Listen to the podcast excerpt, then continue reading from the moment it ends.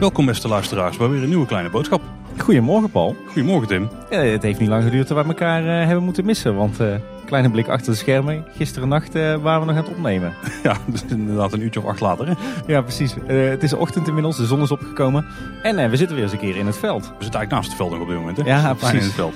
We zitten weer op een bijzondere plek. in de wereld van de Efteling. Niet in het Efteling Park. Eens een keer niet in Bosrijk of in het Loonse Land. Maar we zitten op het... Efteling Golfterrein. Ja, inderdaad. In het clubhuis. Uh, ik denk voor veel van onze luisteraars een beetje een onbekende plek. En dat is ook de reden waarom we hier zitten. Want we wilden een keer een aflevering maken over het Efteling Golfpark. Ja, en dat er ook best wel wat te zien is en te doen is als je dus niet golft zelf. Ja. Maar daar gaan we het dadelijk uitgebreid over hebben. Ja, precies. Want het, het viel ons wel op. Hè. Bij Kleine Boodschap proberen we natuurlijk de hele wereld van de Efteling uh, te bekijken en te bespreken en mee te nemen. Uh, niet alleen het park, maar ook de verblijfsaccommodaties. Alleen ja, het golfpark was toch iedere keer een beetje het ondergeschoven kindje. Terwijl er natuurlijk ook heel wat interessants over te vertellen valt en te zien is. Uh, dus vandaar dat we er nu eens een keer goed bij stil gaan staan. Alleen we kwamen al vrij snel wel tot de conclusie dat wij daar zelf misschien niet de geëikte personen voor, zouden, voor waren. Hè? Nou, ik heb wel een aantal keer gegolfd, ook wel op een wat serieuzere golfbaan, maar dan wel onder zware begeleiding, want ik mag daar zelf niet zelfstandig op, denk ik. Want dan moet je een, volgens mij een groot golfbewijs of een GVB voor hebben. Golfvaardigheidsbewijs moet je dan hebben. Jij gebruikt jouw clubs nog als schoffel.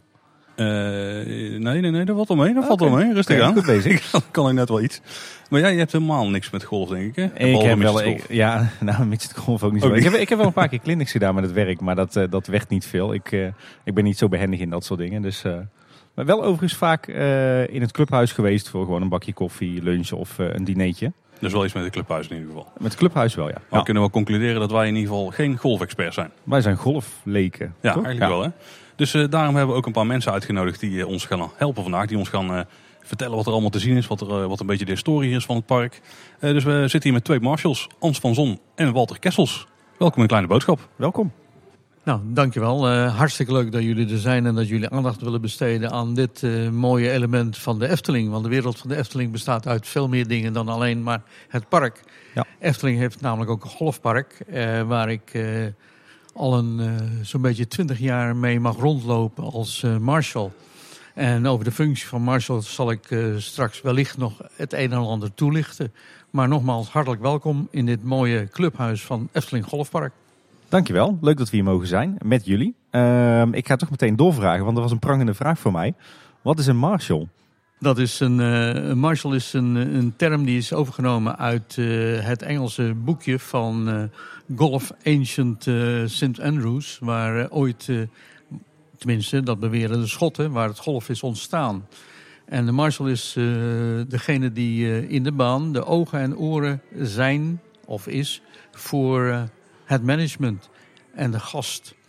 En wij zijn de laatste jaren eigenlijk veel meer gegaan van uh, de begeleiding van de speler naar een zogenaamde spelerondersteunende functie. Oftewel, wij zijn gastheer en gastvrouw. Want wij hier op de Efteling zijn in de gelukkige omstandigheid dat we één vrouwelijke marshal hebben. Namelijk mijn collega die naast mij zit, Ans van Zon. Ja, en ik ben uh, ongeveer uh, 2,5 jaar geleden benaderd door, uh, door Walter. Uh, toen stopte ik met mijn werkzaam leven. Of ik interesse had om marshal te worden op de Efteling.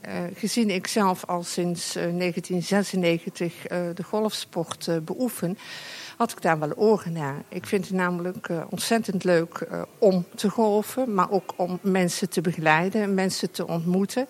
En mensen met name uh, die hier op Golfpark de Efteling komen, het, het naar hun zin te maken.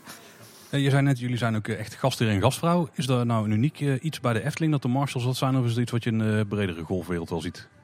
Dat is een tendens die in de hele golfwereld steeds meer uh, naar voren komt. Uh, was het vroeger zo dat je eigenlijk uh, Marshall, dan denkt iedereen tegelijk aan de man met de Colt 38 op zijn heup oh, ja. die, die, die, door de baan gaat. Die hadden we ook nog, ja. Nou, voor, dat, is, dat is echt verleden tijd. je ziet op een aantal golfbanen, of eigenlijk op steeds meer golfbanen ook, dat de kreet Marshall wordt vervangen door uw gastheer, uw spelersbegeleider. Ah ja. Ja, logische stap denk ik. En, eh, maar jullie zijn dus echt inderdaad de, de oren en de ogen. Dus jullie zijn denk ik ook degene die het meest buiten zijn op de baan. Die zien wat er aan de hand is, eh, hoe Ja, de baan erbij ja. staat. Ja, Ja. Dat, dat klopt. Wij, eh, het eerste wat we ook doen is 's morgens bij eh, aanvang van de dienst... bij de receptie vragen aan de collega's wat er voor bij- bijzonderheden er zijn voor die dag. En we kijken door de startlijst heen en we gaan de baan in en kijken of alles op rolletjes loopt. En zo niet, dan gaan we daar het een en ander aan veranderen. Mooie baan. Nou, dan denk ik dat we de juiste personen aan tafel hebben. En dan ga ik meteen denk ik de, de, de, ook een prangende vraag stellen. Ehm, want we gaan er even vanuit dat een heleboel van onze luisteraars nog nooit op het golfpark zijn geweest. Kunnen jullie eens uitleggen, wat is het Efteling Golfpark nou? En de Efteling Golfclub? Want dat zijn volgens mij ook twee verschillende dingen. Hè? Ja, de baan. eh, laat, laat ik beginnen met eh, misschien te zeggen dat het, eh, het golfspel eigenlijk een heel simpel spelletje is. Het is een heel klein balletje in een groot gat proberen te krijgen in zo min mogelijk slagen.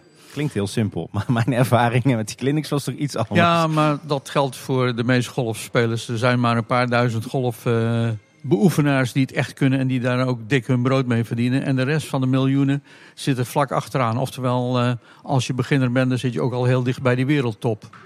Kijk, dat is in ieder geval een bemoedigende gedachte, ja. Eh, in principe een golfbaan bestaat uit negen, altijd een veelvoud van negen holes, negen trajecten. Die variëren in lengte van pak een beetje tussen de 80 en de 500 meter. En daar doe je een aantal slagen over. En als je dat eh, gemiddeld eh, over de hele wereld ziet, dan zijn het gemiddeld 72 slagen om dat rond te kunnen spelen. Speel je in 72 slagen een baan rond, dan speel je handicap 0. Nou vind ik handicap eh, in deze tijd zeker na moorkop ook een vervelend woord. ja. Dus eh daar maken wij speelsterkte van. Ah, Oké, Maar dat is mooi, ja. Nou. ja. En als je dan eh, normaal gemiddeld 100 slagen erover doet in plaats van 72, dan heb je dus een, een speelsterkte van 100 min 72 is 28. Dat betekent dus dat eh, Tim, jij en ik kunnen met elkaar spelen. Mhm. En ondanks het verschil in speelsterkte kunnen wij dat toch vergelijken. Want we verwerken de, de handicap of Ja. de speelsterkte daarin. En die 72 slagen waar u het over heeft, dat hebben we het dan over een baan van 9 holes of net als hier een baan van 18 holes? 18 holes, ja, Ja. sorry, dat had ik even moeten toelichten. Want de oorsprong is 18 holes. Ja, dus eigenlijk vier slagen per eh hole.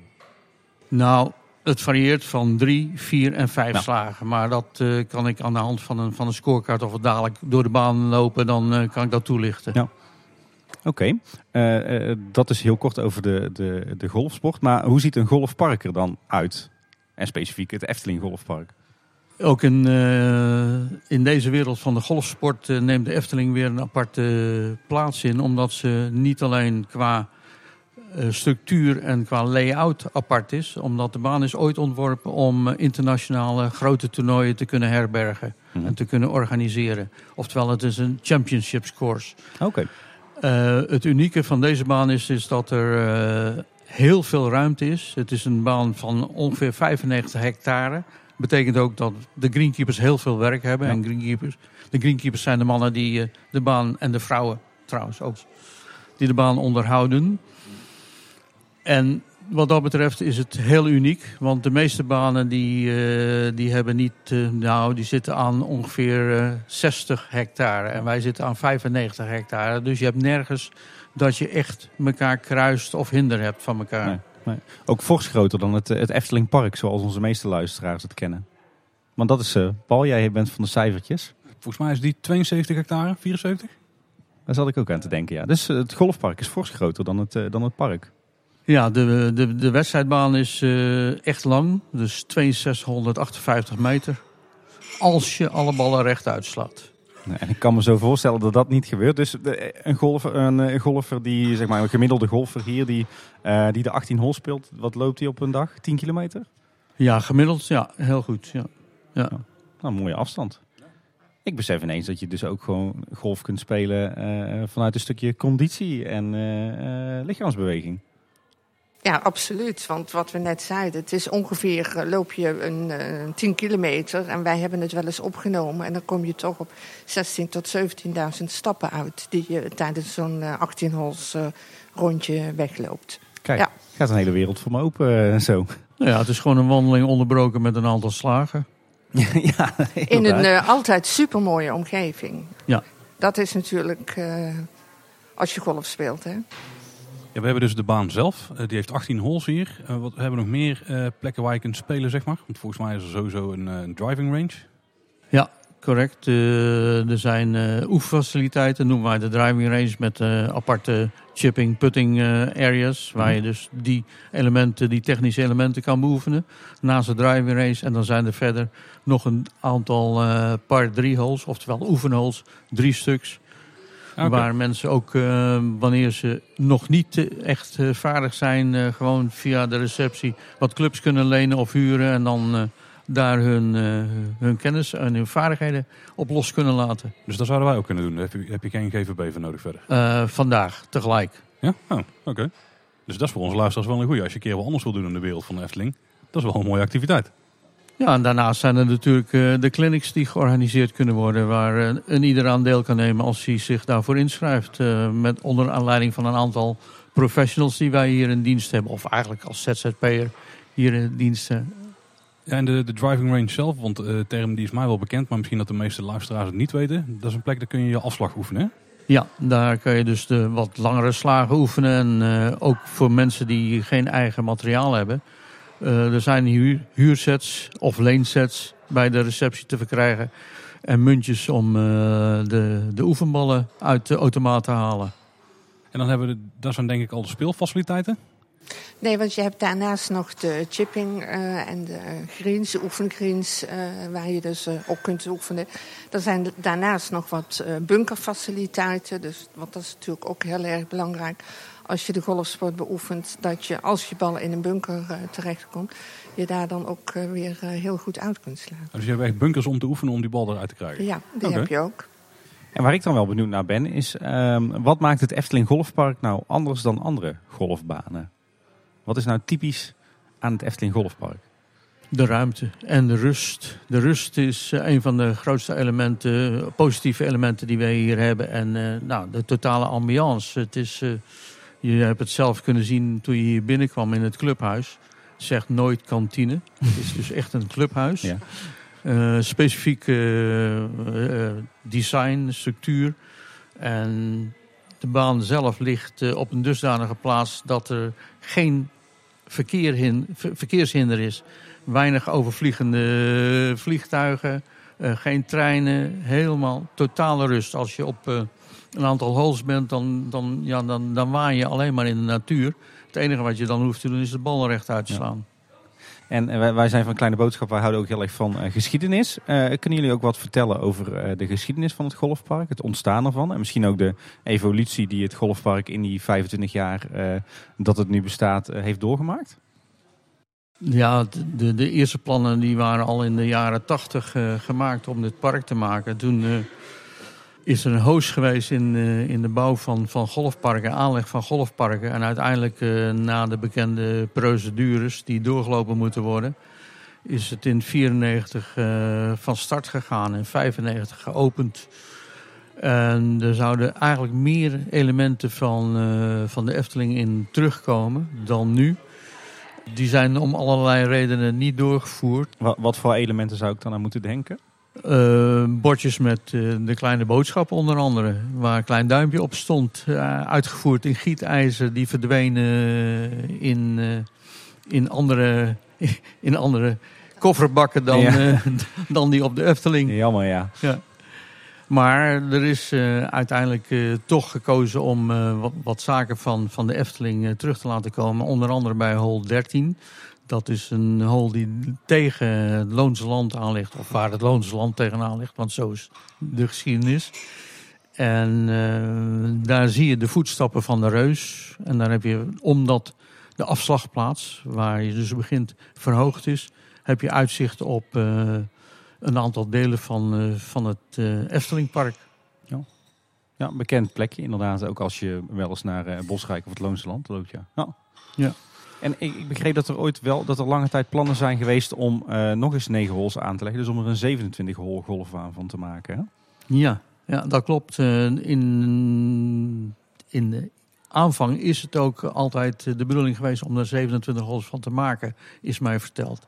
En ik heb de tekeningen ooit gezien en als die waren doorgevoerd, dan had de Efteling in een ander vaarwater gezeten. Als golfpark, is mijn persoonlijke mening. Ja, hoe bedoelt u dat?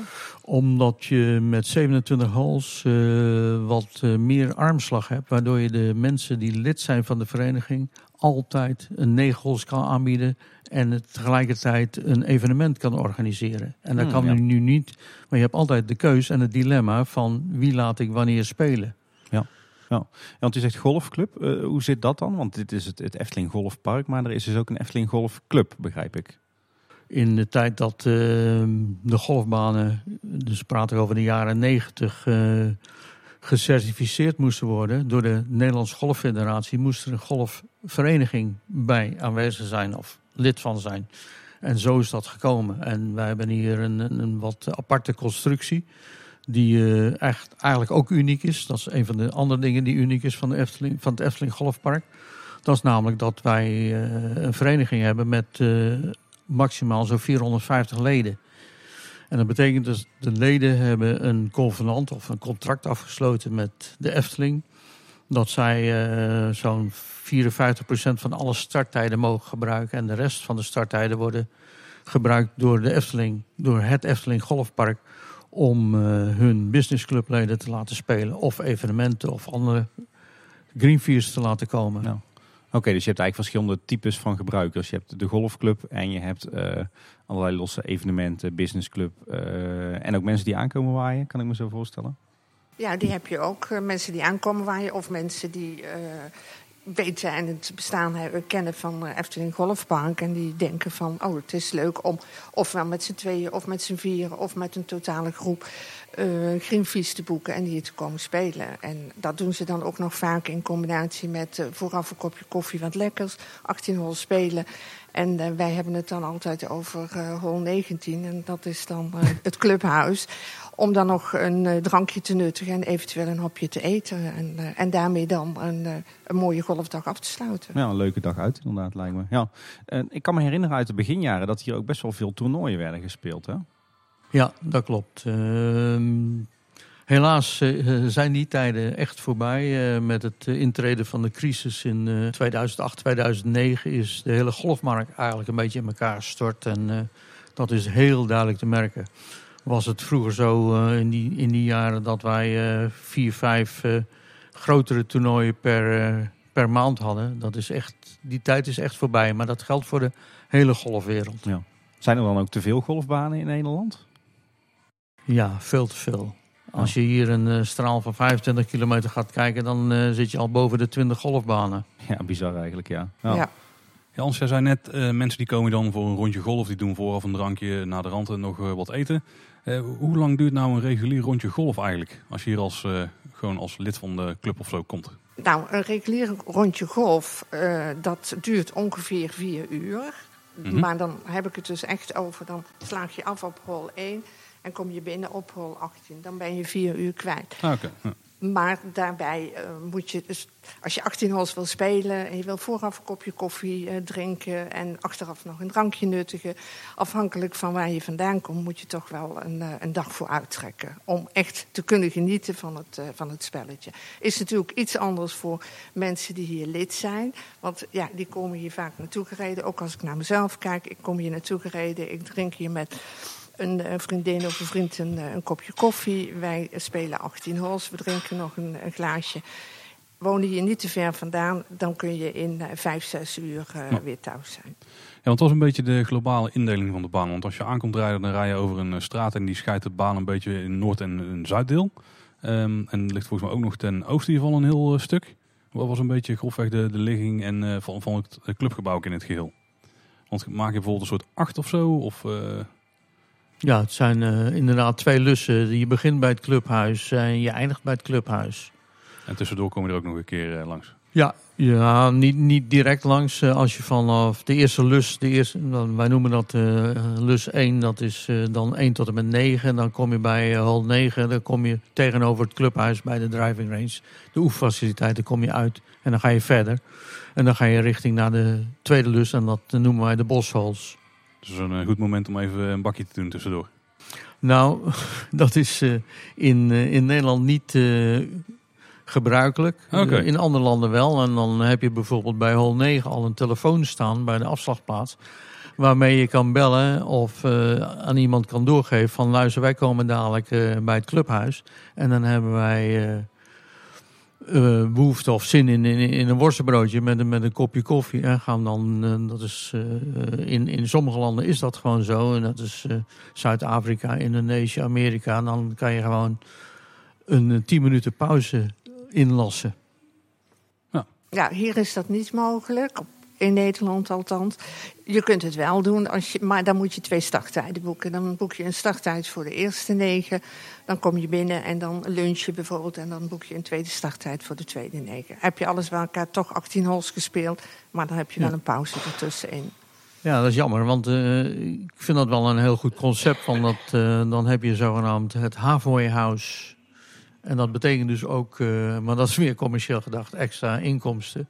Maar ik denk ook dat dat, dat, dat best fijn zou zijn. En steeds, eh, zeker omdat eh, de gemiddelde leeftijd van de huidige golfer niet op 40 ligt. Laat ik het zo maar ja. voorzichtig omschrijven. Ja, Ehm, nou misschien goed dat we dadelijk eens eh, buiten gaan kijken. Want we zijn heel benieuwd hoe het er allemaal uitziet en wat we hier kunnen terugvinden. Maar eh, laten we dan beginnen in eh, het clubhuis waar we nu zitten. Volgens mij een ontwerp van Wilco Meeuwis, ook architect van het Efteling Hotel. En in ieder geval van buiten een heel mooi gebouw. Tenminste, ik, ik ben er jarenlang langs gefietst en langs gereden op weg van Tilburg naar de Efteling. Altijd heb ik het een heel mooi gebouw gevonden met die torentjes en al die golvende lijnen. Maar van het gebouw van binnen heb ik eigenlijk weinig gezien al die tijd. Dus ik weet niet of jullie ons eh, een, eh, een rondleiding zouden kunnen geven door het clubhuis. Om daar maar eens mee te beginnen. Ja, graag. Eh, Dat zullen wij zeker doen. En nou je jezelf de, de term fiets gebruikt. het zou hartstikke leuk zijn als er veel meer fietsers en fietsroutes hier langs werden geleid.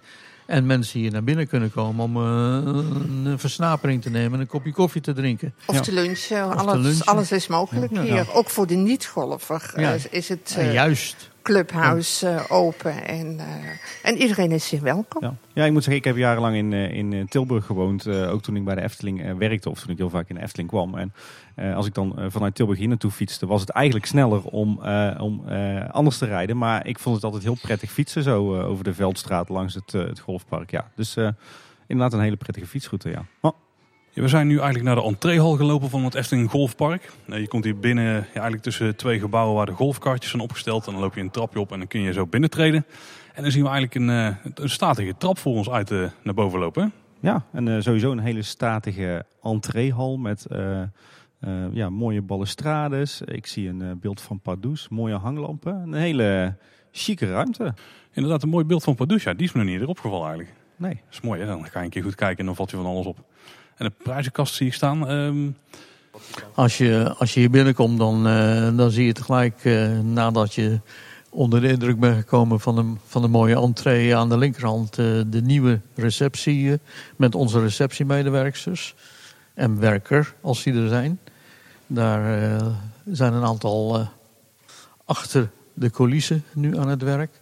En verder, als je boven kijkt, dan zie je een aantal zalen. En die zalen die, eh, worden gebruikt voor eh, vergaderingen, trainingen en al dat soort zaken. En dat kan door een ieder worden gedaan. Eh, elke, elk bedrijf, elke particulier kan daar een zaal huren en, en boeken. Ik zie onder meer een zaal Kraanven, een zaal Duikse Hoef en een zaal Huis ter Heide. Dat zijn volgens mij buurtschappen en natuurgebieden hier in de omgeving. Hè? Ja, die, zijn inderdaad, die namen zijn zo gekozen. En, eh, Efteling was zijn tijd al heel ver vooruit. De verduurzaamheid en de natuur werden onmiddellijk erin betrokken. Worden die zalen nou veel gebruikt voor eh, evenementen, vergaderingen, dat soort zaken? Ja, die zijn eh, goed bezet, eh, met name voor trainingen.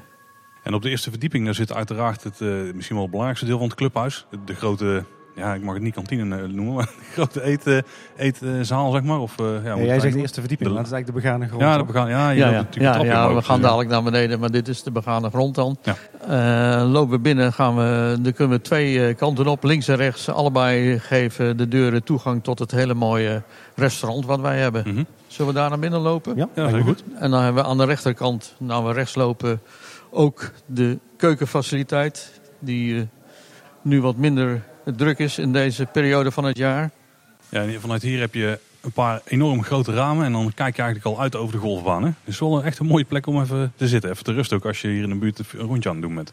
Ja, sowieso. Hè. Dit is, eh, veel van onze luisteraars die zullen vooral gewend zijn om in de Efteling te eten en te lunchen en een bakje koffie te drinken. Eh, misschien uh, zullen er een aantal ook nog wel eens bij het Loonse Land of Bosrijk belanden.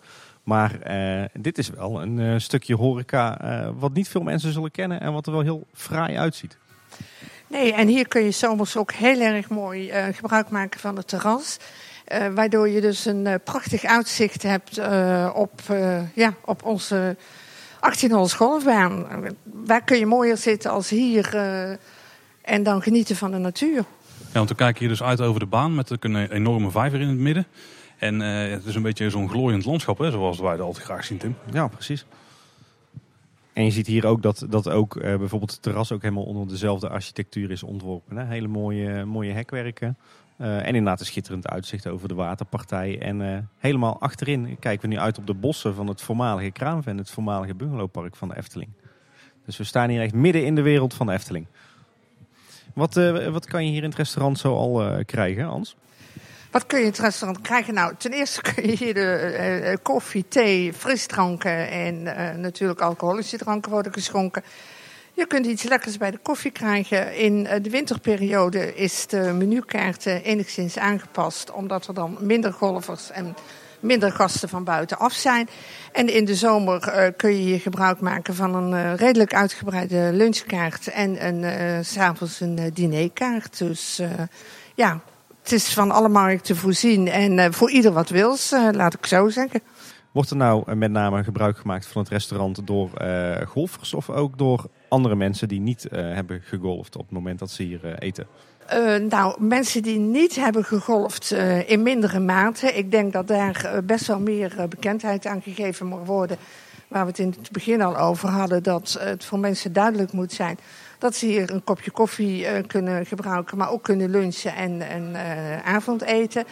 Uh, hier wordt meer gebruik gemaakt door golfers en ook door mensen van buitenaf die bijvoorbeeld een arrangement uh, boeken. En uh, dan boek je dus een arrangement inclusief het, het ontvangst met koffie, golven, eventueel de mogelijkheid om op de driving race nog wat af te slaan en een, een hap te eten. Daar worden speciale arrangementen voor aangeboden. En die kunnen van 18 tot 9 holes gaan. Dus. Leuke anekdote. Het uh, diner uh, tijdens mijn vrijgezellenfeest was hier in het restaurant. Ah. Mijn vrienden die uh, wilden me per se laten eten in de wereld van de Efteling... op een plek waar ik nog nooit gegeten had. Dus dat was best een uitdaging voor ze. Maar dat, dat was uiteindelijk hier. En sindsdien wel vaker geweest hier, hè? Ja. ja, jij hebt hier ook nog een keer een aflevering opgenomen. Ja, ja, inderdaad. Ja. We hebben een keer op het terras buiten een aflevering opgenomen. Ja. ja. ik zie trouwens dat als je souvenirverzamelaar bent, dan staat hier ook een, een object. Ik weet niet of dat die uniek is trouwens. Die mok op de balie met de Efteling bonbons. Efteling koffiebeker met, uh, met de Efteling bonbons. Volgens mij een uh, uniek souvenir wat je alleen hier kunt kopen. Dus ook de souvenirverzamelaars moeten hier natuurlijk. Je moet even naar het golfpark. En je krijgt er wel van die Efteling bonbons bij die je bij ook iedere koffietje hier krijgt volgens mij. Dus uh, is goed geregeld. Hè? Ja. en het leuke is ook, um, uh, het, het voelt, hè, als je hier in eerste instantie binnenkomt, dan voelt het niet echt aan als een Efteling restaurant. Dat heeft echt wel een andere uitstraling dan we gewend zijn. Maar juist doordat bijvoorbeeld uh, de menukaarten toch in Efteling-stijl zijn. de medewerkers dragen natuurlijk gewoon de Efteling-kleding. heeft het ook alweer dat Eftelingse. Dus het, het voelt ook een klein beetje als een soort van enclave in, de wereld van de Efteling. Ja, maar wij als Marshall zijn eigenlijk ook gekleed in een uh, Efteling-outfit. dus wij zijn voor de, voor de gasten uh, heel herkenbaar. Ja, misschien daar even op door te vragen. Jullie, uh, het golfpark is een aparte business unit binnen de Efteling BV. Hè? De, hoe zien jullie dat zelf? Zijn jullie echt een op zichzelf staand onderdeel? Of, of is er wel echt een, een, grote binding met de rest van de, de Efteling? Nou, voor mij, er is natuurlijk duidelijk een binding. Alleen voor ons als Marshall, eh, wij zijn eh, een groep van 15 vrijwilligers, zijn sowieso al een aparte groep binnen de hele Efteling. En zeker binnen het Efteling Golfpark. Wij voelen ons uh, Efteling Golfpark uh, medewerkers. Wij zijn uh, lid van de familie van het Efteling Golfpark. Ja, maar mijn indruk dat het, het golfpark wel echt een op zichzelf staand iets is binnen de wereld van de Efteling, klopt die? Of zijn de banden wel aangehaald met de rest van het bedrijf? Nou, dat, uh, niet, niet naar mijn gevoel, maar dat is heel persoonlijk. Ik, uh, ik leef uh, in de familie van het Efteling Golfpark. Ja. En toen we net in de hal stonden, zag ik ook dat er wat trappen naar beneden gingen. En er kwamen wel wat mensen naar boven en die... eh daar is dus ook een plekje waar we misschien even moeten kijken. Ja, uit alle hoeken en gaten komen ze hier vandaan. Wij eh, kijken uit voor het uit- afstapje. Ja, het, het, het clubhuis is ook een beetje split level. Hè? Want eh, we, we zeggen nu dat we op de begane grond staan en eh, dat we nu naar beneden gaan naar de kelder. Maar eh, aan de andere kant, volgens mij, als je aan de achterzijde van het golfpark, van het clubhuis buiten staat, dan is dat juist de begane grond. Ja, dit is de begane grond. Ja. Een van de nadelen, maar dat is, stamt natuurlijk nog uit de tijd eh, dat het gebouwd werd. eh, dat het eh, voor rolstoelgangers hier op de begane grond goed toegankelijk is. Alleen naar boven kunnen ze niet, want dan, eh, er is geen lift. Er is alleen maar een, eh, een, eh, een goederenlift. Dat wordt krap, ja. Ja, naar boven en beneden gaat het wel, maar niet naar de eerste verdieping. We gaan nu naar de trap, naar de zogenaamde kelder, waar de kleedkamers en de lokkerruimte zijn. We dalen hier in een gat af, altijd heel spannend. Ik ben eigenlijk nog nooit beneden geweest in het clubhuis. Ik eh, wel trouwens, Tim. Ah. Want hier zitten ook de toiletten volgens mij. Toiletten en eh, kleedkamers, een doolhof, waar eh, de meeste gasten, als ze voor de eerste keer zijn, niet echt de weg weten. Gelukkig hangen er overal bordjes in. Ja. Ja, hey, kijk Paul, hier hangt iets moois aan de muur. Ja, hier hangt een hele, hele mooie satellietfoto, of niet, tenminste een luchtfoto van, eh, van het gebied hier. Inclusief de Efteling zelf trouwens. Ja, de Efteling, de parkeerterreinen, het, eh, het golfpark. eh, de oude bossen nog ten zuiden van het park toen het Loonse Land er nog niet was. Bosrijk staat er ook niet op trouwens. nee, dat is een hele oude foto. Dit is een, eh, ik, ik zit even te kijken, maar dit is een luchtfoto uit 2005, want de Vliegende Hollander is in aanbouw. Dat is een aanbouw, hè? Ja. Ja. Dit is een hele gave foto. Trouwens wel een beetje hier in de gang en een beetje echt zo'n jaren 90 look en feel. Hè? Ja, kijk, er zijn eh, twee mogelijkheden om het gebouw te betreden. Dat is eh, als je binnenkomt eh, en eh, de trap omhoog gaat, dan ga je richting van eh, de receptie. En als je de andere trap neemt naar beneden, dan kom je dus hier uit. En dan eh, zien we hier aan de linkerhand de zogenaamde lokkerruimte. Mhm. En de lokkerruimte is eh, die plek waar eh, onze leden en degenen die een lokker hebben gehuurd hun spullen kunnen opslaan. En er zijn er ook een aantal met elektrische faciliteiten waardoor ze de buggy of hun karretje elektrisch kunnen opladen. Ja, want je hebt ook elektrische karretjes waar Ja. je clubs in zitten. Ja, steeds meer eh, mensen hebben elektrische karretjes zoals je die daar ziet. En die accu's die zijn eh, natuurlijk na rondjes zijn ze redelijk leeg en dan moeten ze opgeladen worden. Oké. Ja. Ik had nooit eh, in de gaten dat er zo'n eh, enorm labyrint aan ruimtes nog onder het clubhuis zat. Ja, want dit zijn, dit zijn echt enorm veel lokkers. Ik zie hier cijfers die volgens mij boven de 400 gaan. Ja, er zijn een paar honderd. En even voor de mensen die denken dit zijn van die zwembadkluisjes. Nee, ze zijn hier eh, ruim een meter hoog. En eh, zeker een centimeter of 50 breed. Dus zijn flinke lokkers. Ja, en verder voelt het ook echt een beetje als zo'n eh, ja, echt een sportkleedkamer. hè? Ja, hier, hier wel, ja, inderdaad. Ja.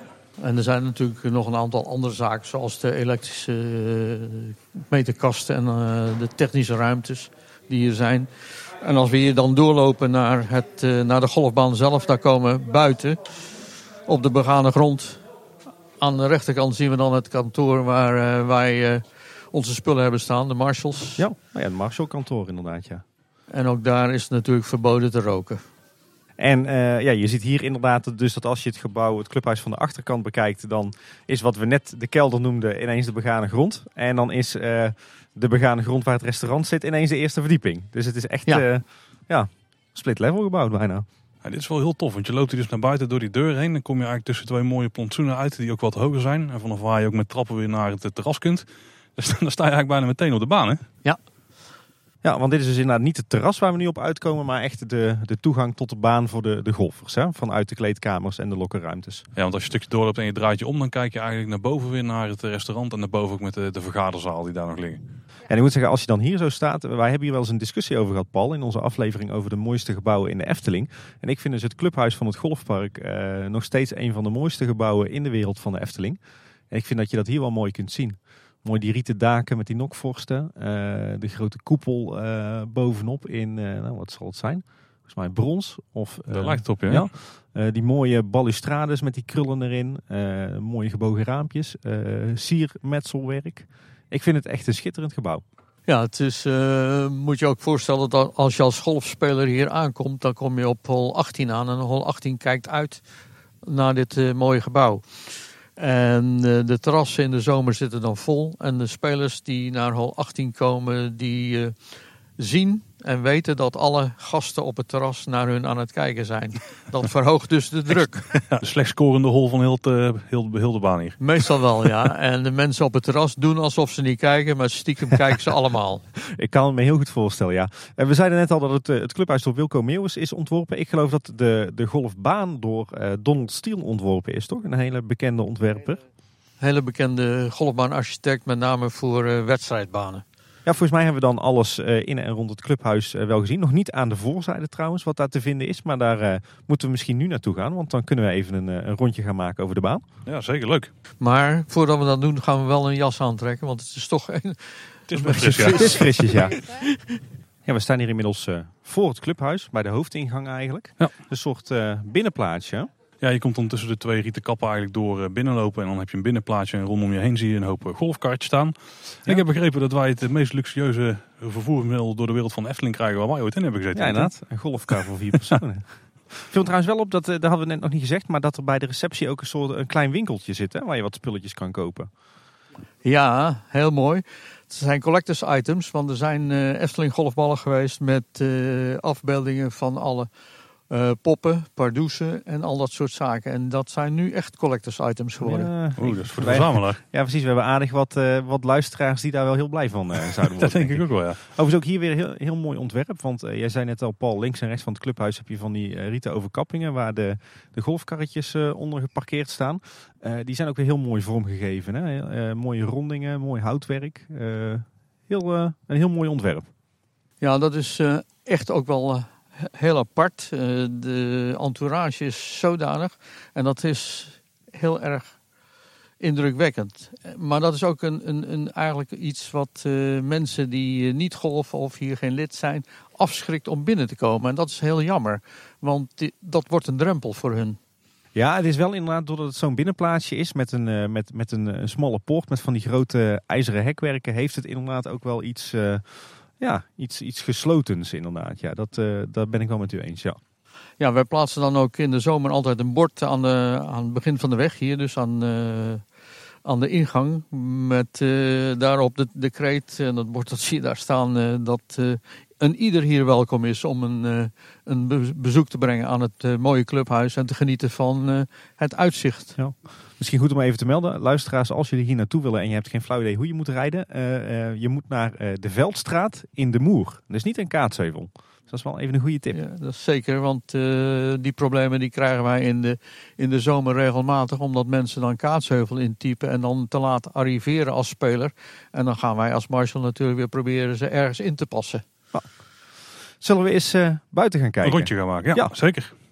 Wij mogen met Ans mee in de, in de blauwe buggy van de Marshall. Nou, we rijden dus nu eh, op weg naar de Greenkeepers. Ehm, terwijl we onderweg zijn, misschien even een paar eh, dingen nog over het golfspelletje. Je zei in het begin, het is een heel makkelijk spelletje. Ehm, maar wat zijn een beetje de, ja, de- Je hebt een hoop getallen die erbij komen kijken. Ik lees altijd par 3 banen, par 4 banen. Ehm, ik weet redelijk wat het, zou, wat het betekent, volgens mij. maar hoe zit het precies? Je, je, krijgt een, je mag afslaan, daar begint het. Ja, Eh, dat, Kun je daar nog... Ja, je kunt natuurlijk finaal fout doen, maar als je het 15 keer mislaat, eh, is er dan nog steeds één slag? Of zitten daar bijvoorbeeld ook nog regels aan? nee, nee, elke slag telt. Eh, dus het is een kwestie van afhankelijk van de, de spelvorm. Er zijn talloze spelvormen. Maar de basis is eh, stroke play, oftewel het aantal slagen wat je doet. Dus de baan is verdeeld in, eh, in twee keer negen holes. En de holes die variëren in lengte. En in principe is een par 3 een baan, een traject dat niet langer is dan 225 meter ongeveer. Daarna van 2,25 tot eh, pak een beet 4,25 is het een par 4. Dan doe je er dus vier slagen gemiddeld over. En daarboven is het een par 5. Want volgens mij, eh, het pargetal geeft aan in hoeveel slagen je het zou moeten kunnen redden als je, eh, als je een spelersbehendigheid hebt Ja. van nul. Nou, een par, de, de drie letters par, PAR, staan voor Professional Average Result. Oftewel, dat zijn de slagen die een professional erover zou kunnen doen. Oké, oké, oké. En wij eh, mogen er gelukkig iets meer over doen. En eh, terwijl we het zo hebben over de regels van de golfsport, eh, rijden we, zijn we onderweg naar de Greenkeepers Loods. Eh, en we doorkruisen eigenlijk al een, een heel groot deel van het golfpark. Hier links van mij zie ik een, eh, een, eh, een veld met riet. Volgens mij is dit het helofietenfilter van de Efteling, hè? Helemaal, correct. Dat eh wel juist. Dat is onderdeel van het klaterwatersysteem, hè? Ja, En verder zien we al een heleboel van de golfbaan. Maar ik eh, stel voor dat we daar dadelijk na ons bezoek aan de Greenkeepers eh, op terugkomen. Misschien wel goed om nog wat uit te leggen over het Helofietenfilter. Uh, dat maakt dus, is een belangrijk onderdeel van het uh, klaterwatersysteem. Betekent dat de Efteling uh, gezuiverd rioolwater aangeleverd krijgt op het golfpark. En daar gaat het door het Helofietenfilter heen. Dat is een soort van natuurlijk filter van riet. wat dat water nog eens extra zuivert. en vervolgens wordt het volgens mij in een van de vennen van het golfpark uh, ingebracht. En vanuit daar uh, gaat het eigenlijk de hele wereld van de Efteling rond. Door de verschillende vijvers op het golfpark. De verschillende vijvers in het uh, Loonse Land en Bosrijk. En uiteindelijk ook de vijvers in het Eftelingpark. Ja, we komen inmiddels aan bij de Greenkeepersloot. Tim, dus ik denk dat we even uit gaan stappen. Ja, inderdaad. Dit is een stukje wereld van de Efteling waar ik nog nooit ben geweest, Tim. Nee, dit is een heel bijzonder plekje. Hè? We komen hier eigenlijk op een, ja, een terrein. Het lijkt wel een terrein van een, een groot hoveniersbedrijf. met... We zien wat tractoren en wat terreinwagentjes en een heleboel tuingereedschap. Hier, hier werken de greenkeepers, de hoveniers van de golfbaan eigenlijk. Hè? Dat is denk ik een goede manier om te stellen. Uh, Walter, we liepen net de greenkeepersloods binnen. Kan jij ons eens wat meer vertellen over wat een greenkeeper is, wat hij doet en wat dit voor plek is? De greenkeepers zijn eigenlijk de, de mannen die het onderhoud van de baan doen. En dat in alle opzichten. Van het maaien van het gras van de zogenaamde fairways. Dus de, de grote stukken. Tot aan het bijhouden van allerlei snoeiwerkzaamheden. En dat doen ze eigenlijk 365 dagen per jaar. En dat elke dag zijn er één of twee of meerdere greenkeepers hier aanwezig. En die hebben daar specialistisch materiaal voor. Hebben ook een speciale opleiding daarvoor. En het zijn ook de mannen eigenlijk die, uh, die zorgen dat de baan zoals die er nu bij ligt in topconditie is. Ondanks de vervelende weersomstandigheden. Ja. Ja, en ik heb ook wel eens wat verhalen gehoord over vandalisme aan de baan. Ik kan me voorstellen dat het ook niet prettig is. Nee, uh, als je wij uh, zullen dadelijk die kant op rijden. Dan kunnen we dat laten zien waar, uh, waar het ooit is voorgekomen. Dat er mensen met een crossmotor over de zogenaamde green hebben gereden. En de green is het meest uh, kwetsbare gedeelte van de baan. Want daar staat dan de vlag met dat gaatje waar de bal in moet.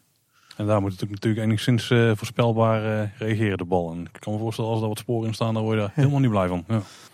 Nou, dat is ook een van, de, een van de meest moeilijke elementen van het hele greenkeeping uh, gebeuren. Die, die greens moeten eigenlijk overal hetzelfde zijn qua snelheid, qua structuur. Dus mensen, de golfer moet uh, erop kunnen vertrouwen dat waar hij uh, oefent, op de oefengreen, dat hij dezelfde snelheid en dezelfde structuur heeft als de, de echte ja. greens in de baan. Ja. De Greenkeepersloot is echt een enorm gebouw. Wat, wat zit hier allemaal in? Dat uh, varieert van een, een handsijs, uh, een werkplaats, tot aan uh, hele dure tractoren met specialistische apparatuur om de baan te onderhouden. En volgens mij zie ik hier ook een van de twee grote vijanden van een golfer in een grote hoeveelheid liggen, namelijk het extra zand van de bunkers. Ja, de bunkers, ook dat is weer een van de, van de zaken die de greenkeeper heel goed in de gaten moet houden de structuur van het zand en de structuur van de bunker moet zodanig zijn dat de, op hol 1 tot en met hol 18 uh, het altijd hetzelfde moet zijn. Niet dat de golfer onderweg moet ondervinden dat hij eigenlijk een, een andere manier van slaan had moeten ontwikkelen of beheersen. Ja, dus het moet niet op de ene plek eh, modder zijn en op de andere plek fijn wit zand. Nee, dat betekent dus dat de, de, de, bunker is niet zomaar een, een kuil met zand erin. Dat is echt, uh, daar, uh, Komt meer bij kijken, ja. Dat blijkt wel weer. Dus eigenlijk met alles wat we nu te hebben gehoord. Ja, precies. Komt toch wel meer bij kijken dan dat je denkt van tevoren. Ja. Hier achter de uh, Greenkeepers Ik meen mij nog te herinneren uit de tijd dat ik zelf bij de Efteling werkte. Dat er uh, echt een enorm opslagterrein uh, was waar wat helemaal vol stond met allerhande Efteling reliquieën. Ik geloof dat zo'n beetje de halve ingang west hier stond opgeslagen. En een heleboel meer. een groot deel van het terrein is nu helemaal opgeruimd. Uh, er is nog wel een klein terreintje omhekt met, ja, wat zie ik, uh, wat, wat stenen, wat bestratingsmateriaal. Uh, en volgens mij het deel links waar wij nu op kijken, waar de, wat dus vroeger ook helemaal opslag was, dat is volgens mij nu het veelbesproken bijenweidje. Wat door iemand is opgekocht en die daar bijen houdt. Die zie je er achteraan nog staan op een, onder een ja. aftakje. Ja. ja. Dan stappen we weer in de buggy. Nou, dan wordt het nu tijd om echt een kijkje te gaan nemen op de baan zelf. Ja, we hebben een aantal elementen van een golfbaan inmiddels al langs horen komen. Maar wat zijn een beetje per hol uh, de elementen van een baan? begint uh, bij de afslagplaats. En de afslagplaats, uh, ik moet eigenlijk zeggen afslagplaatsen, want die zijn ingedeeld naar, naar speelsterkte. En was het vroeger zo dat je een duidelijk onderscheid had tussen dames en heren. Nu is het universeel. Iedereen mag kiezen welke afslagplaats hij neemt of zij neemt. En dat is afhankelijk van haar of zijn speelsterkte. En vanaf de afslagplaats probeer je de bal te spelen in een uh, zo kort mogelijke lijn richting van de green. En de green is dat gedeelte waar uh, de vlag dan op staat en aangeeft waar de hole is. En, en daartussen vind je de fairway, dat is het redelijk kort gemaaide gedeelte. En naast de fairway heb je een stuk dat overgaat in wat, wat, wat minder kort gemaaid. Dat heet dan de semi-rough en daarnaast heb je rough. En als je in de ruf zit, dan uh, zit je dus in de problemen. Ja, dan lig je eigenlijk een soort van buiten de baan, maar je mag wel gewoon doorspelen. Je mag daar gewoon doorspelen. Alleen uh, het is niet uh, echt gezellig om daar te staan. En dan heb je natuurlijk ook nog een soort van hindernissen. Ja, daar zijn hindernissen. Op de Efteling zijn er twee hindernissen die echt heel duidelijk iedereen kent. Iedereen in de golfwereld die op de Efteling heeft gespeeld of daarvan heeft gehoord, weet dat uh, hole 3 met name een van de moeilijkste holes is. Want daar loopt een sloot doorheen. Nou, het is eigenlijk zo dat de hele hole is gedrapeerd rondom die moersenloop. Dus je hebt aan alle kanten water. Dus als je niet secuur slaat, dan heb je een probleem daar. Ja, dan kan je twee dingen doen. Dan kan je eh, kiezen om er niet overheen te gaan en aan de, aan, de rechterkant te blijven, zoals dat uh, daar mogelijk is. En als dat ook niet lukt, nou, dan is het misschien tijd om lessen te gaan nemen bij een van de professionals. Terwijl we hier rondrijden, uh, zie ik, hè, we hebben natuurlijk zeg maar het, het, alle verschillende soorten van gras en de wegen die hier lopen. maar ik zie ook best wel wat leuke elementen. Mooie bordjes bij de hols. een paar hele mooie bruggetjes die zijn gemaakt met natuursteen. Ja. Het ziet er allemaal heel fraai uit, hè? Ja, het is dat brugje waar we nu net langs reden. Dat is een brug die, dat is een kopie van de brug op een van de mooiste golfbanen van de wereld, eh, zeggen ze in Schotland, St. Andrews. En het verhaal gaat dat eh, St. Andrews dat heeft nagebouwd eh, van de Efteling. Maar dat is natuurlijk niet waar. nee, inderdaad. Um, het is hier heel groen. Um, maar ik heb ook begrepen dat, dat hier ook uh, heel erg met uh, flora en fauna, uh, dat dat hier een heel erg belangrijk aandachtspunt is op het golfpark. Hè? Ja, wij hebben vanaf het begin is dat een samenwerkingsverband onder andere met de, de Vlinderstichting. Er worden eh, per jaar een aantal keren worden vlinders geteld door vrijwilligers van de stichting. En op allerlei andere manieren wordt er altijd rekening gehouden met flora en fauna. Ja, en dan zijn jullie natuurlijk ook nog de, het begin van het grote klaterwatersysteem... waarmee de Efteling eigenlijk een heleboel uh, kostbaar water bespaart. Ja, het is allemaal uh, te doen vanaf het begin om duurzaam te kunnen functioneren. En het rijden, het rijden nu is wat hobbelig, omdat wij een werkpad nemen buiten de baan om. Op, waardoor we de golfers die nu bezig zijn op hol 10 uh, niet storen. Ah, kijk. Overigens aan de rechterzijde rijden we langs het, uh, het oude gemeentedepot. Wat inmiddels eigendom is van de Efteling. En waar plannen voor zijn om in de toekomst een camperplaats of iets dergelijks te gaan realiseren. Het depot staat nu leeg, zo te zien. We kunnen het nu net niet meer zien, maar we hebben net, ik heb het net gehad over de waterhindernis. Maar naast de waterhindernis is er, zijn er op de, op de baan natuurlijk ook een aantal bunkers. En de bunkers zijn wat de mensen in, in principe de, de zandputten noemen. En de bunkers zijn altijd zo strategisch geplaatst dat je als golfer moet kiezen wat je gaat doen. We steken nu de weg de Duikse Hoef over. En daarmee komen we weer op een ander gedeelte van het golfpark. Want ik denk dat je de, de baan eigenlijk in drie delen kan verdelen die van elkaar gescheiden zijn door middel van de weg de Duikse Hoef en de Veldstraat. Hè? Ja, dat klopt. we rijden nu van hol 10 richting 11 en naar de zogenaamde boshols. Dat is een gedeelte waar wat meer bossage staat, waardoor het ook wat meer in de luwte ligt. We komen nu langs eh, een van de vijvers waar eh, de karpers altijd wachten op spelers die een korreltje brood of een stukje brood eh, naar hun toe werpen. Ja, dit is ook de plek waar we echt een, eh, waar echt Bosrijk heel prominent naar voren komt. Hè. Je kijkt hier op eh, de, twee, eh, de twee nieuwe dorpjes in Bosrijk en ook op het landhuis. Ja, Hier inderdaad een vijver vol karpers. Die wisten dat wij eraan kwamen. Of, eh, door de trilling eh, van, van, van het karretje voelen de karpers dat, dat er iemand aankomt. En dan komen ze kijken of ze nog wat eh, te eten krijgen. Ze hebben nu even pech, maar Eh, links kijken we hier op eh, volgens mij een, een, een boerderij of een oud boerenbedrijf. Eh, her en der op het golfpark vind je nog wat woningen, wat boerderijen, wat bedrijvigheid. Ik kan me voorstellen dat dat niet altijd handig is. Nee, maar die- wij hebben daar geen last van. En ik hoop uh, degenen die daar wonen ook niet. Maar in principe komen de golfers daar helemaal niet in de buurt met hun bal. Je ziet op de baan trouwens nu eh, twee bordjes staan. En die bordjes geven aan waar eh, de handicarts moeten rijden. Handicarts zijn de buggies van de stichting Handicart. En de mensen die lid zijn van die stichting Handicart kunnen die eh, buggies gebruiken. En de buggies zijn voorzien van een GPS-systeem. Oké. En door dat GPS-systeem kunnen wij dus, dat kan de hoofdgreenkeeper doen, inprogrammeren waar ze wel en niet kunnen komen.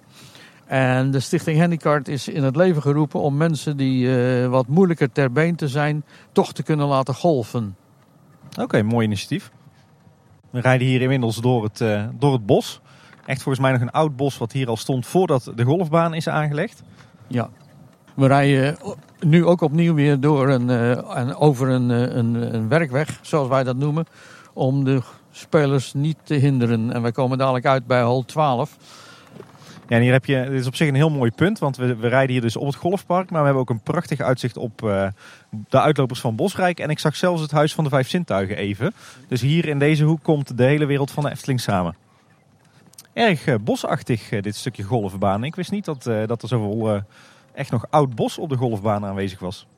Vandaar dat wij dit ook de boshols noemen. Kijk, En we gaan even naar een, een- een- naar een, naar een holbord, eh, zoals wij dat noemen. Een bord eh, waarbij eh, wat informatie staat over de hole. kijk, interessant. Ik verstond een holbord, maar het is dus een holbord. de Engelse variant. Hè? Ja.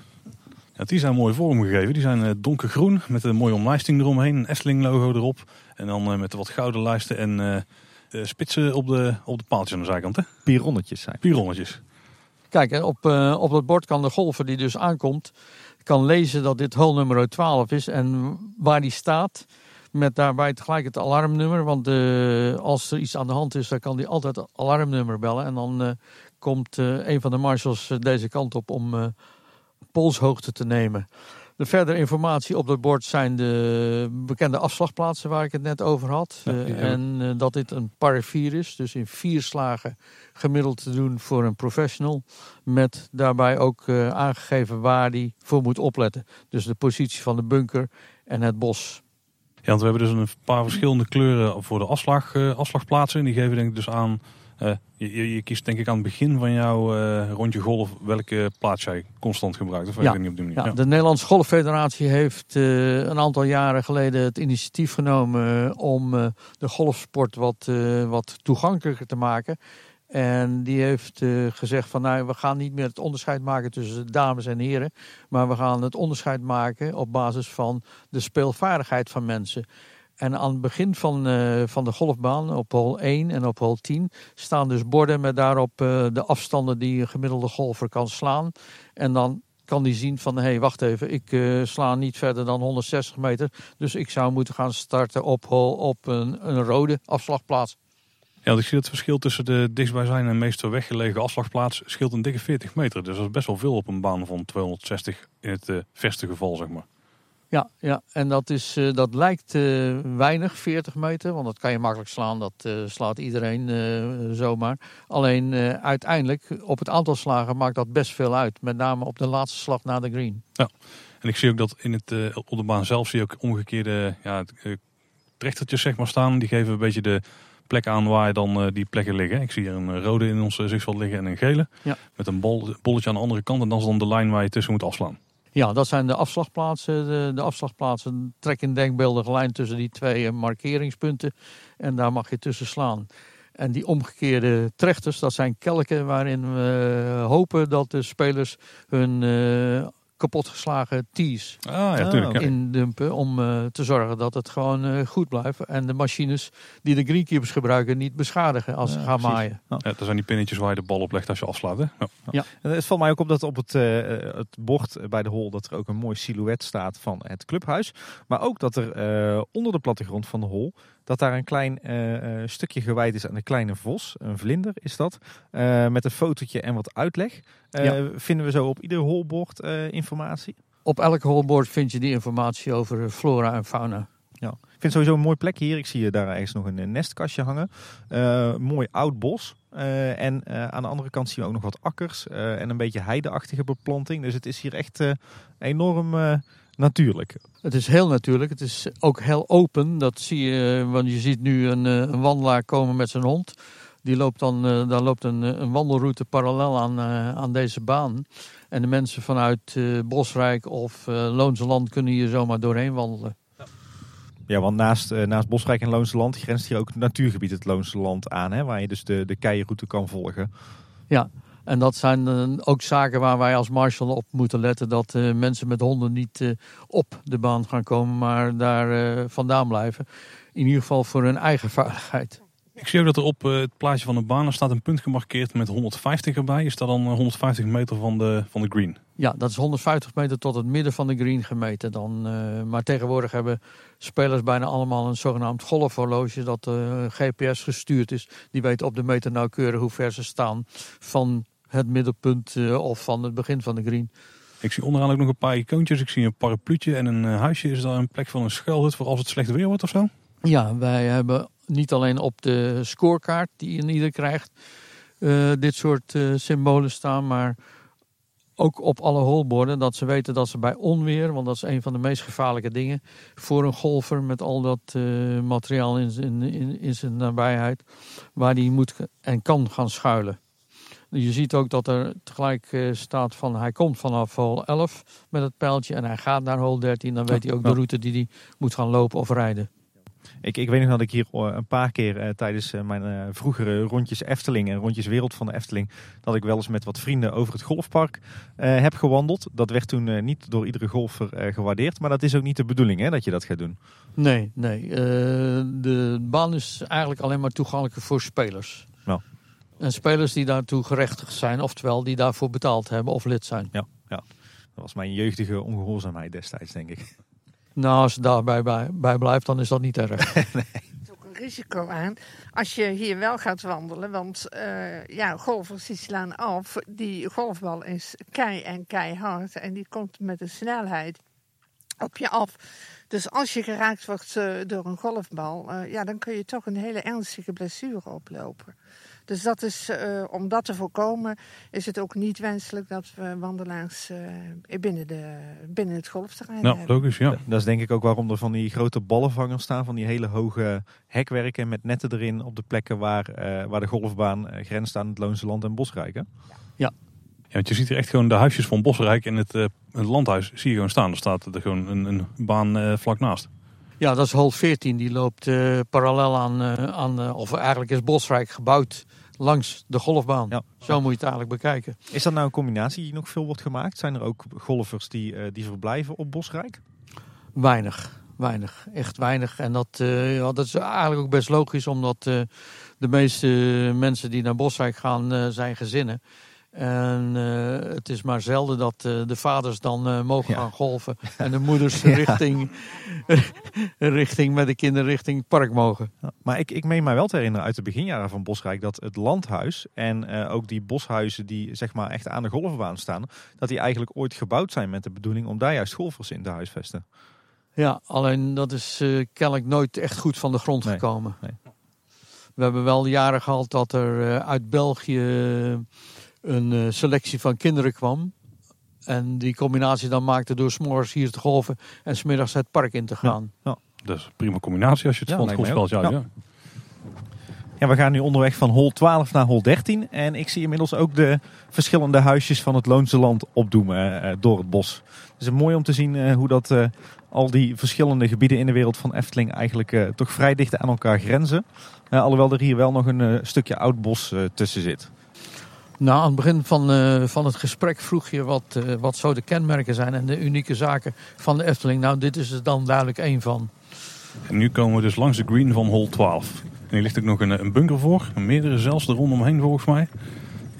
Ja, je ziet dat deze bunker is, eh, want de afstand van, eh, van de afslagplaats tot de green is zodanig dat eh, de echte goede golfer dat bijna in één slag zou kunnen halen.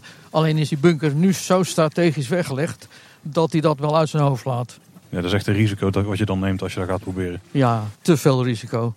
Ja, we staan nu bij eh, de afslagplaats van hol 13. Dit is echt een heel mooi stukje van de baan. Je ziet hier een trapje omhoog lopen tussen wat glooiende heuvels. En eh, vanaf daar kun je dus uitkijken over de, de baan.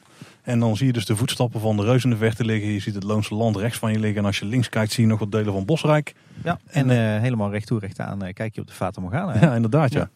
Ah, je vertelt dat zo leuk. eh, je ziet de voetstappen van de reus, maar je vertelt er niet bij dat dat eh, bunkers zijn. Oftewel, er zijn ontzettend veel bunkertjes vlak voor die green. Ja, de, de reus heeft hier een beetje met zijn voeten wat stukken van het gras weggeschraapt. Waardoor het zand eh, bloot komt te liggen. Dat is een beetje het verhaal wat er verteld wordt denk ik. Ja, en dat is een van de elementen waardoor, waardoor het spel he- op deze hal heel aantrekkelijk wordt. Of uitdagend. Ja, en, het, moeilijk. en het is denk ik ook de hol die het dichtst bij de Efteling ligt, hè? Hij ligt helemaal eh, om, ja, eigenlijk omzoomd door het Loonse Land en eh, aan de andere zijde eh, Bosrijk. Ja, het enige wat volgens mij tussen deze hol en, of het uiteinde van de hol en het Efteling Park ligt, is nog de Eftelingse straat. Ja, dat klopt. Dit is het verste punt van het clubhuis. Dus stel nou dat er, dat er iets gebeurt hier, hè, dan, dan moet je dus via het Loonse Land hier eh, bijvoorbeeld de ambulance naartoe halen. En daar eh, hebben wij als marshal een speciale sleutel voor, opdat wij de ambulance binnen kunnen halen. Wij worden twee keer per jaar eh, geoefend in, een, AED-gebruik en reanimatie door mensen van de Efteling. En we hebben in samenwerking met de beveiliging jaren geleden een eh, kaart ontworpen waardoor, waarop wij eh, alle punten hebben genoteerd waar de ambulances eh, kunnen komen. En de GPS-coördinaten van, die- van die punten staan in het, in het systeem van die ambulance.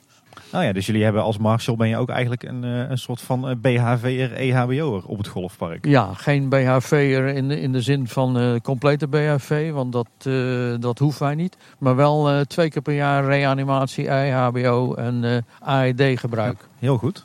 Ja, we rijden nu vanuit hol 13 terug richting Clubhuis. En terwijl we hier wegrijden, heb je echt mooi zicht op, op de hele Fata Morgana. Hè? De minaret die steekt zo mooi boven de bomen uit. Maar ook weer even terugkomend op eh, AED en eh BHV-zaken. Wij hebben eh, samenwerking gezocht met eh, onder andere Priest Do, eh, golfbaan Priest Do en andere Ja. golfbanen in het verleden. En eh, die hebben zaken van ons voor wat betreft eh, de training en de opleiding van marshals. Voor wat betreft AED-reanimatie ook overgenomen. Alleen wij zijn als Efteling eh, Golfpark uniek. Dat we ook nog eens een keer de ambulancepunten op een GPS-systeem hebben staan. Waardoor wij eh, de ambulance ook direct naar het juiste punt kunnen laten komen. Ja, Efteling heeft veiligheid hoog in het vaandel staan. En dat zie je dus ook blijkbaar eh, op het golfpark. Ja, ja, heel duidelijk.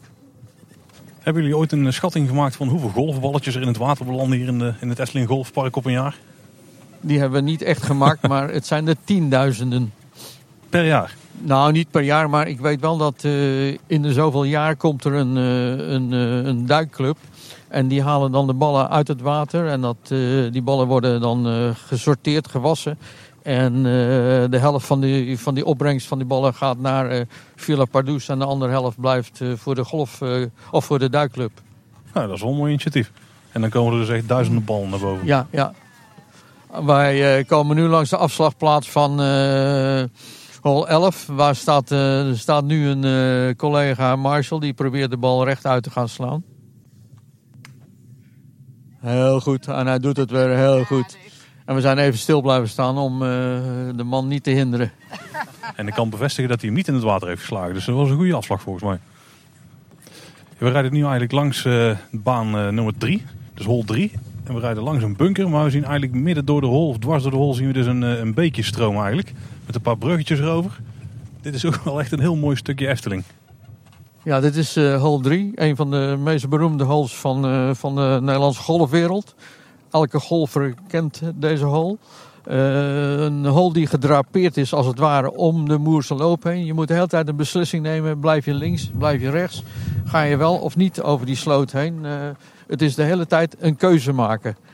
En meestal is dat niet altijd de goede keus. Ja, en ik denk de Moerse Loop is volgens mij een, een natuurlijk uh, beekje. Wat hier altijd al lag, ook voor de komst van het golfpark. En uh, wat nu gehandhaafd is, hè? Ja, dat is heel mooi uh, hoe Donald Steele deze hal heeft, of deze Moerse Loop heeft gebruikt. Om dit tot een hele mooie par 5 te maken. Echt een super uitdagende hal. Dus dit is ook een van de langste banen die hier ligt, een van de langste holes. Ja, dit is een van de langere holes. En je voelt nu, hebben we wind mee. Dus nu is het uh, sowieso makkelijker dan uh, als je dit uh, ook nog eens een keer als wind tegen moet spelen. Ja, je ziet hier heel duidelijk wat de golfbaanarchitect heeft gedaan. Die heeft namelijk de afslagplaats zodanig gekozen dat de sloot op kritieke afstand ligt. En ben je een goede golfer en haal je die afstand wel om over die sloot heen te gaan, dan uh, kom je direct uh, na een meter of veertig in de volgende problemen. Dat zijn namelijk de twee bunkers die er liggen. Dus je bent echt de hele tijd aan het nadenken van wat je moet doen. Dus golf is meer dan alleen maar tegen een balletje aanslaan. Dat, dat ben ik inmiddels wel, daar ben ik wel achter gekomen, ja. Oh, we zitten hier uh, in een andere uithoek van het golfpark. Hè? En als we hier door de bomen heen kijken, dan kijken we op het, het dorpje of het gehucht De Moer.